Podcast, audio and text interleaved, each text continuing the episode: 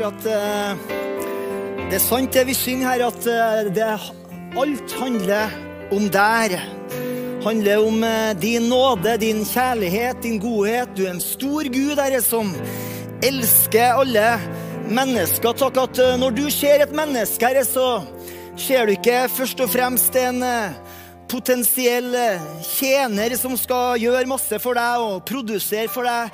Nei, du ser etter en venn, Herre, som du kan eh, meddele dine hemmeligheter til. En som du kan ha fortrolig samfunn med, Herre. Takk at vi alle kan få kjenne på denne invitasjonen fra deg til å ha et vennskap med deg, et fortrolig samfunn med den levende Gud, med den allmektige Gud. Takk at du møter folk der de er akkurat nå, i stua si, med ditt nærvær. Takk at det er ingen avstand i åndens verden. Sånn som du er her, slik er du der, Herre. Slik du virker her, slik virker du der. Med din allmakt og med din herlighet. Vi ber om det, Herre. I Jesu Kristi navn. Alt handler om deg. Vi takker deg, Jesus. Amen. Amen. Der du sitter i stua di nå, så gir du dem her låtsangerne en eh, applaus. Og så får vi stemninga litt opp her ute. Det blir flott. Amen.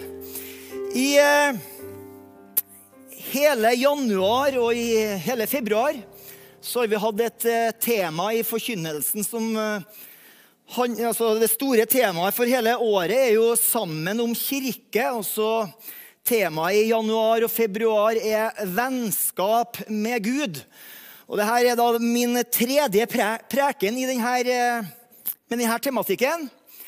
Og I dag så har jeg en sånn tittel på denne prekena som heter for 'Gjør som Abraham, bli Guds venn'. Og Vi skal lese tre kjappe bibelvers hvor alle de her versene nevner det her begrepet om at Abraham var en venn av Gud. Eh, det første bibelverset står i andre krønikebok, kapittel 20.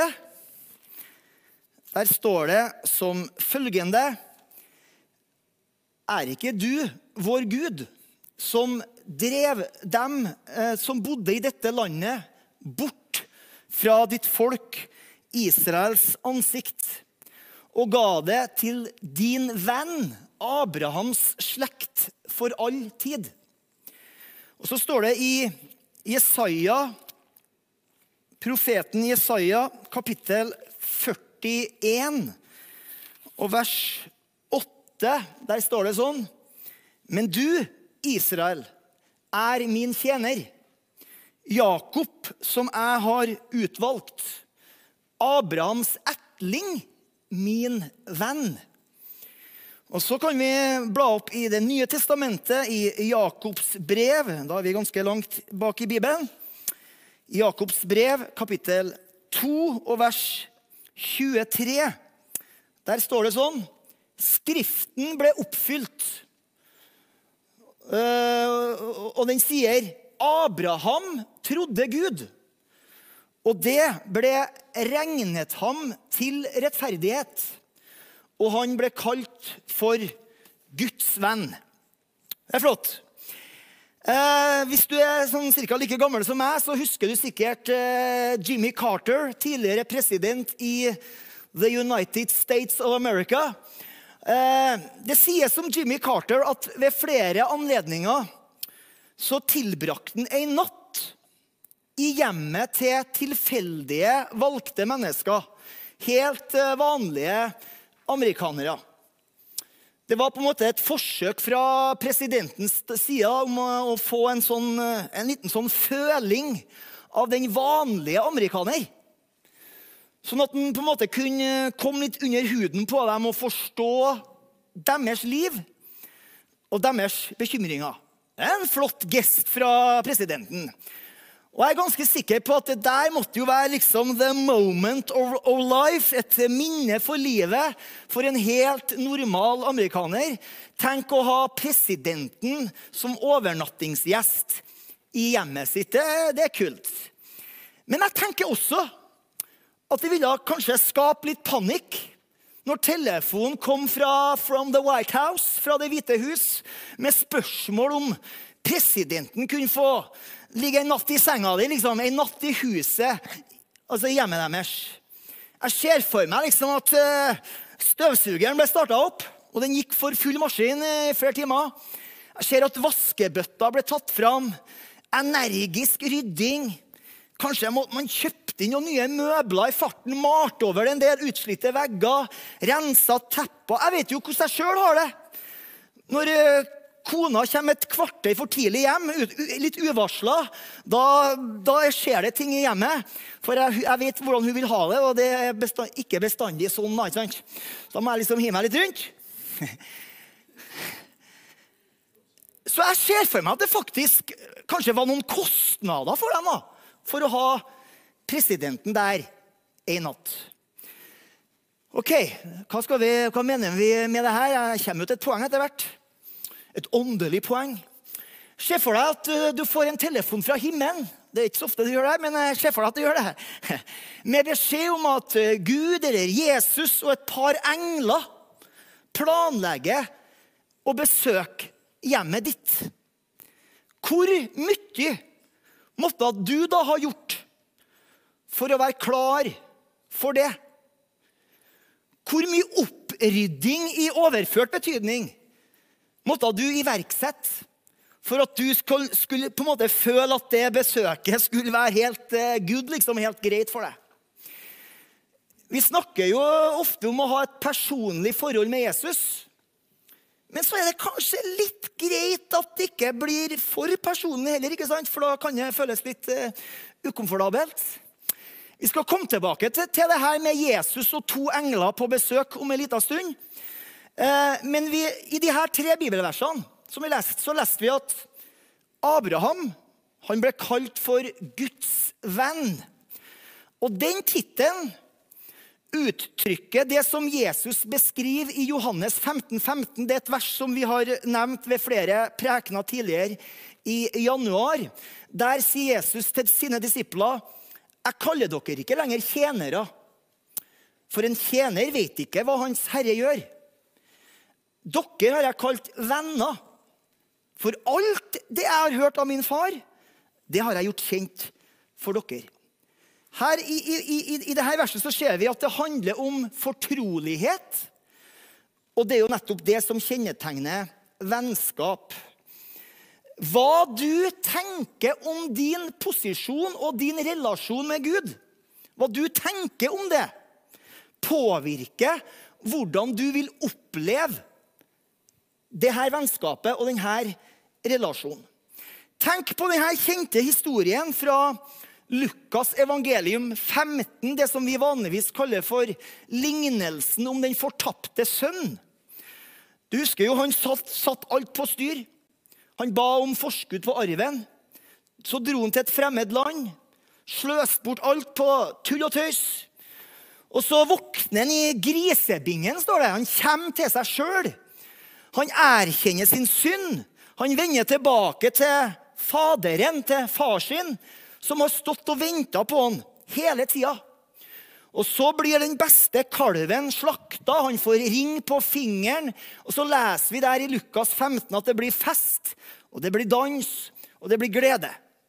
Men så har jo den yngste broren som har rota det til, han har en eh, eldre bror som hører ute på åkeren der han står og arbeider og sliter og svetter. og så hører han eh, sang og dans og fest og spill, og så lurer han på hva i all verden er det her for noe. Jo, det er broren din som har kommet hjem, og så, da blir han grinete, står det. På trøndersk heter det grinete.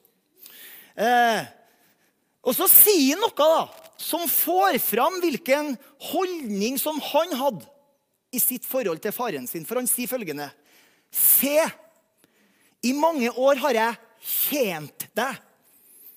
Jeg har aldri noensinne overtrådt ditt bud. Vi skjønner at det er jo bare tull. Selvfølgelig hadde han gjort det, men i sitt eget hode så hadde han aldri gjort det. Likevel har du aldri gitt meg så mye som et kje, så jeg kunne feste med vennene mine. Og så bare har han ut av seg liksom eder og galle. Og da sier faren, 'Sønn, du er alltid hos meg. Og alt mitt er ditt. Det er flott. Det er som om faren sier at I ditt eget hode har du vært en tjener. I ditt eget hode har du trodd at du må jobbe for meg, trodd at du må produsere noe hele tida. Du har trodd at du må gjøre for å være. Du har jobba og produsert motivert av fortjeneste. Mens faren hele tida hadde sett på han som sønn og som venn. Og farens holdning var at alt mitt, det er ditt. Tilbake til Abraham. Det her med Jesus og to engler som kommer på besøk, eller Gud og to engler som kommer på besøk, det er jo nettopp det Abraham opplevde i første Mosebok, kapittel 18. Der står det at det er tre menn som kommer på besøk til Abraham. To engler, og den tredje er Herren sjøl. Enten er det Jesus i det vi kaller for en preinkarnert form, eller så er det det vi kaller for en teofani. Du får google det når du får tida. Men i hvert fall så er det da tre himmelske gjester som kommer på besøk. Og de spiser et måltid sammen med Abraham. Det er kult. Og så åpenbarer dem for Abraham og Sara at de skal få en sønn året etterpå. Og I vers 18 der, altså kapittel 18 og vers 18 så sier Herren at Abraham skal bli til et stort og mektig folk. Alle folkeslag på jorda skal bli velsigna i han. Og så drar englene videre. Men Herren blir igjen og åpenbart for Abraham hva han var i ferd med å gjøre i Sodoma og Gomorra. Det er litt sånn alvorlige historier der. Altså, Gud meddeler da Abraham fortrolig informasjon. Altså noe som kjennetegner virkelig vennskap. Man er jo da fortrolig med hverandre. Det der er jo noe vi alle ønsker. Tenk å ha et fortrolig vennskap med Gud. Og Da er det enkle spørsmålet hvordan får vi det? Og Da har jeg bare utarbeida to enkle punkter her. Så får du bare henge med. To enkle punkter. Nummer én vennskap med Gud begynner når vi blir forsont med Gud gjennom tro. Det er Bibelens enkle lære. Det er evangeliet. Bibelen lærer jo at vi alle var vredens barn. Det er jo det bibelspråket Det er litt sånn hårde ord. Vi var alle vredens barn. Fiende av Gud. Fremmedgjort, sier Paulus. Og han sier at det gjelder alle mennesker. Både anstendige og uanstendige. Lovlydige og lovløse. Bibelen sier at synden har skapt et uoverstigelig problem som jeg og du ikke klarer å fikse sjøl. For at dette gudsforholdet, denne relasjonen, skal bli intakt igjen, så, så må vi bli forsona med Gud. Syndeproblemet må fikses for at jeg og du kan bli Guds venner.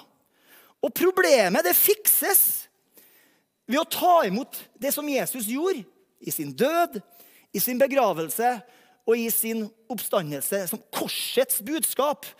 Og det løftet som Abraham fikk av Gud, det handla bl.a. om at gjennom denne sønnen som skal bli født året etterpå, x antall generasjoner etter det, så skal det komme en sønn som skal være verdens frelser. Og Det der trodde Abraham på. Og Da sier Bibelen at denne troa ble tilregna han som rettferdighet. Så det vennskap med Gud starter i frelsen. Når du tar imot Jesus, per definisjon, da er du en venn med Gud. Det andre poenget beskriver vennskap fra annen, eh, et annet perspektiv. Og Det punktet kaller jeg for 'vennskap med Gud krever tilgjengelighet'. Du vet, Vennskap er jo normalt ikke en engangshendelse. Nei, vennskap tar tid. Det er jo noe som varer. Og vennskap med Gud er jo ikke noe unntak. I 1. Mosebok 18 så leser vi at Abraham satt ved døra til teltet sitt da de herre tre himmelske besøkende kom forbi. Og han var ikke så opptatt at han ikke kunne tilbringe tida sammen med dem. Han mekka mat og han gjorde en hel del ting. Han tilbrakte tid sammen med dem. Og så skjønner jo jeg at Abraham levde eh, i en helt annen tid, en helt annen kultur enn meg og deg. Det der var jo mange hundre år før klokka ble oppfunnet, og før, før mobiltelefonen ble oppfunnet. Og jeg skjønner jo det. Travelhet er et faktum som berører oss alle sammen. Det får ikke gjort så mye med. Men for at min og din opplevelse av vennskapet skal være det det kan være, så krever vennskap tilgjengelighet. Etter at Gud hadde gitt Abraham fortrolig informasjon, så står det så fint i teksten Abraham trådte nærmere. Det er flott. Abraham trådte, eller han kom nærmere, nærmere Gud. Jeg er jo gift, og det skjedde for 25 år siden. Da fikk jeg en vigselsattest. Det er kult, vet du. Det er fint å ha. Sannheten er jo den at etter eh, jeg fikk den attesten, så har jeg aldri kikka på den. Jeg vet ikke hvor jeg har den engang.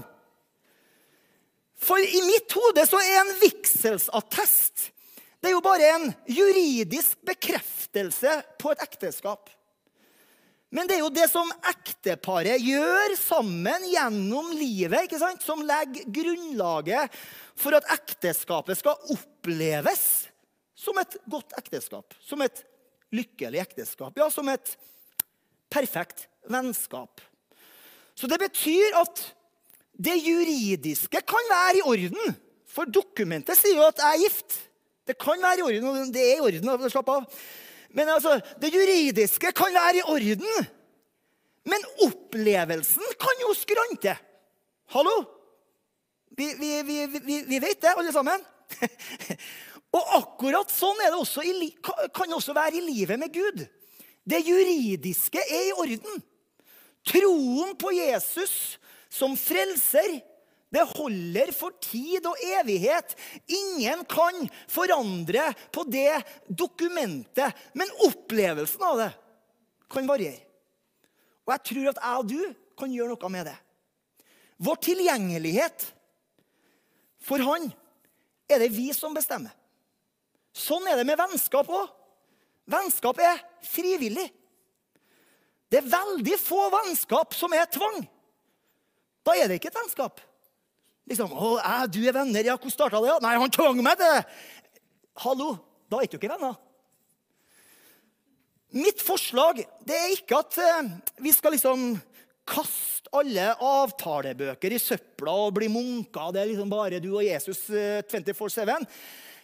Men det jeg sier, det er at vår tilgjengelighet, kall det gjerne vårt personlige andaktsliv, er viktig for vår opplevelse av vennskapet. Det juridiske er et faktum ved troen på Jesus som frelser. Men jeg vil jo noe mer enn bare en vigselsattest. Liksom. Gå i skapet og du er gift. Nei. Altså Det holder ikke for meg, altså. Så der kommer jo da vår tilgjengelighet for hverandre inn i bildet. Fantastisk bilde, vet du. Så der i første Mosebok så leser vi at da de her to englene forsvant, så står det i vers 22 Men Abraham sto fortsatt framfor Herrens ansikt. Englene forsvant. liksom det spektak. Englene forsvant. Men Abraham sto fortsatt framfor Herrens ansikt. Abraham trådte nærmere Gud. Det er som, hans, det er som om Abraham sier til Gud O, bli hos meg. Det er en sang, ikke sant? Det er Abraham som skrev den. Eller Eller, eller nærmere deg og Gud. Det var han som skrev den, ja. Og du vet, Hvis du er en teologisk kranglefant, jeg har jo vært det i mange år, så vil du kanskje si at jeg trenger ikke å be Gud om å bli hos meg. Han er jo her. Og ja, det er sant. Der har du det juridiske perspektivet. Men for meg så holder ikke det at jeg bare vet teoretisk at 'Å, Gud, bli hos meg. Jeg vet at du er her.' Jeg vil jo Jeg vil jo oppleve det. Jeg vil oppleve at den er her. Jeg vil kjenne Guds nærvær. Og jeg vil bli forandra av Guds herlighet. Så det er helt greit å synge ute. O, bli hos meg. Ikke fordi at han har forsvunnet fra deg, eller nærmere deg og Gud. Ikke fordi han er på avstand. Han er her. Men jeg vil gjerne oppleve det. Jeg vil bare liksom si til han jeg er tilgjengelig. Kom, Jesus, og fyll hjertet mitt med deg sjøl. Det tredje punktet Jeg sa at det var to, men du skal få en, eh, en bonus.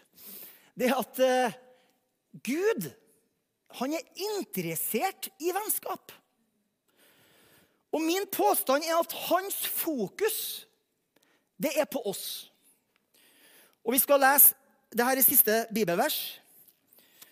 Og så skal vi lese da ifra Malakias kapittel 3. Dette er jo et eh, bibelavsnitt som vi Et veldig mye brukt bibelavsnitt eh, når vi skal ha kollekt. vet du. For dette er jo liksom selve teksten om tienden. Og det står i Malakias kapittel 3, vers 8. Starter litt sånn strengt. Skal et menneske rane Gud? Likevel har dere ranet fra meg. Men dere spør, hva har vi ranet fra deg? Jo, tienden og offergaven. Dere er sannelig forbannet, for dere har ranet fra meg. Ja, det har hele dette folket gjort. Og så kommer det fra vers 10. Bring hele tienden inn i lagerhuset, så det kan være mat i mitt hus. Prøv meg nå i dette, sier herskarenes herre. Om jeg ikke vil åpne himmelens sluser for dere og utøse en slik velsignelse for dere at det ikke er rom nok til å ta imot den. Jeg skal true den fortærende gresshoppen for deres skyld. Ikke for min skyld, nei, for deres skyld. Så den ikke ødelegger jordens grøde for dere. Vintreet på marken skal ikke mangle frukt for dere, sier herskarenes herre. Alle folkeslag skal prise dere salige, for dere skal være det herlige landet, sier herskarenes herre. Lovsangerne kan komme opp. De står her nå og spøler. Fra vers 10 til vers 12 der, så bruker det er jo Gud som bruker ordet 'dere' sju ganger. Ja, han hevder at tienden er et prinsipp for sitt folk. Men tilnærminga her er jo ikke at 'gjør det her for å bevise at du elsker meg'. Eller 'gjør det her for å bevise at du tjener meg av et helt og fullt hjerte'. Nei, tilnærminga er jo for deres skyld. Tilnærminga er 'jeg er interessert i deg'. Jeg vil at du skal ha det bra. Jeg vil at det skal gå godt for deg. At du skal være velsigna. At du skal være beskytta. Jeg vil at du skal få et godt liv. Og det er jo akkurat det som vennskap representerer. Vi ønsker det beste for hverandre. Og det gjør også Gud, som min og din venn. Nå skal vi be sammen. Jeg takker deg, Herre for at du akkurat nå inviterer alle inn til vennskap med deg. Du kaller oss ikke tjenere. Det gjorde du før, men så skjedde det noe på det korset hvor eh, skilleveggen og alt det som sto, oss, eh, sto imellom oss, det ble revet ned. Nå er liksom kallet til alle mennesker det er til vennskap. Vennskap med Gud. Ditt hjerte hjerte er åpen, dine armer er utstrakt, og du kaller på alle sammen inn til vennskap. Jeg ber, alle, jeg ber, for alle dem som kjenner litt på det her nå, Herre, som føler seg litt på avstand, som føler at eh, det er noe fiendskap mellom deg og dem. Men det er det ikke, Herre. På det korset så brøyt du det fiendskapet, og ditt hjerte ble åpna for alle og enhver. Jeg bare ber for dem som, som eh, ikke kjenner deg som sin personlige frelser. La dem få nå åpne sitt hjerte, ta imot deg som sin frelser, invitere deg inn i livet sitt. Vi ber om det i Jesu Kristi navn. Amen.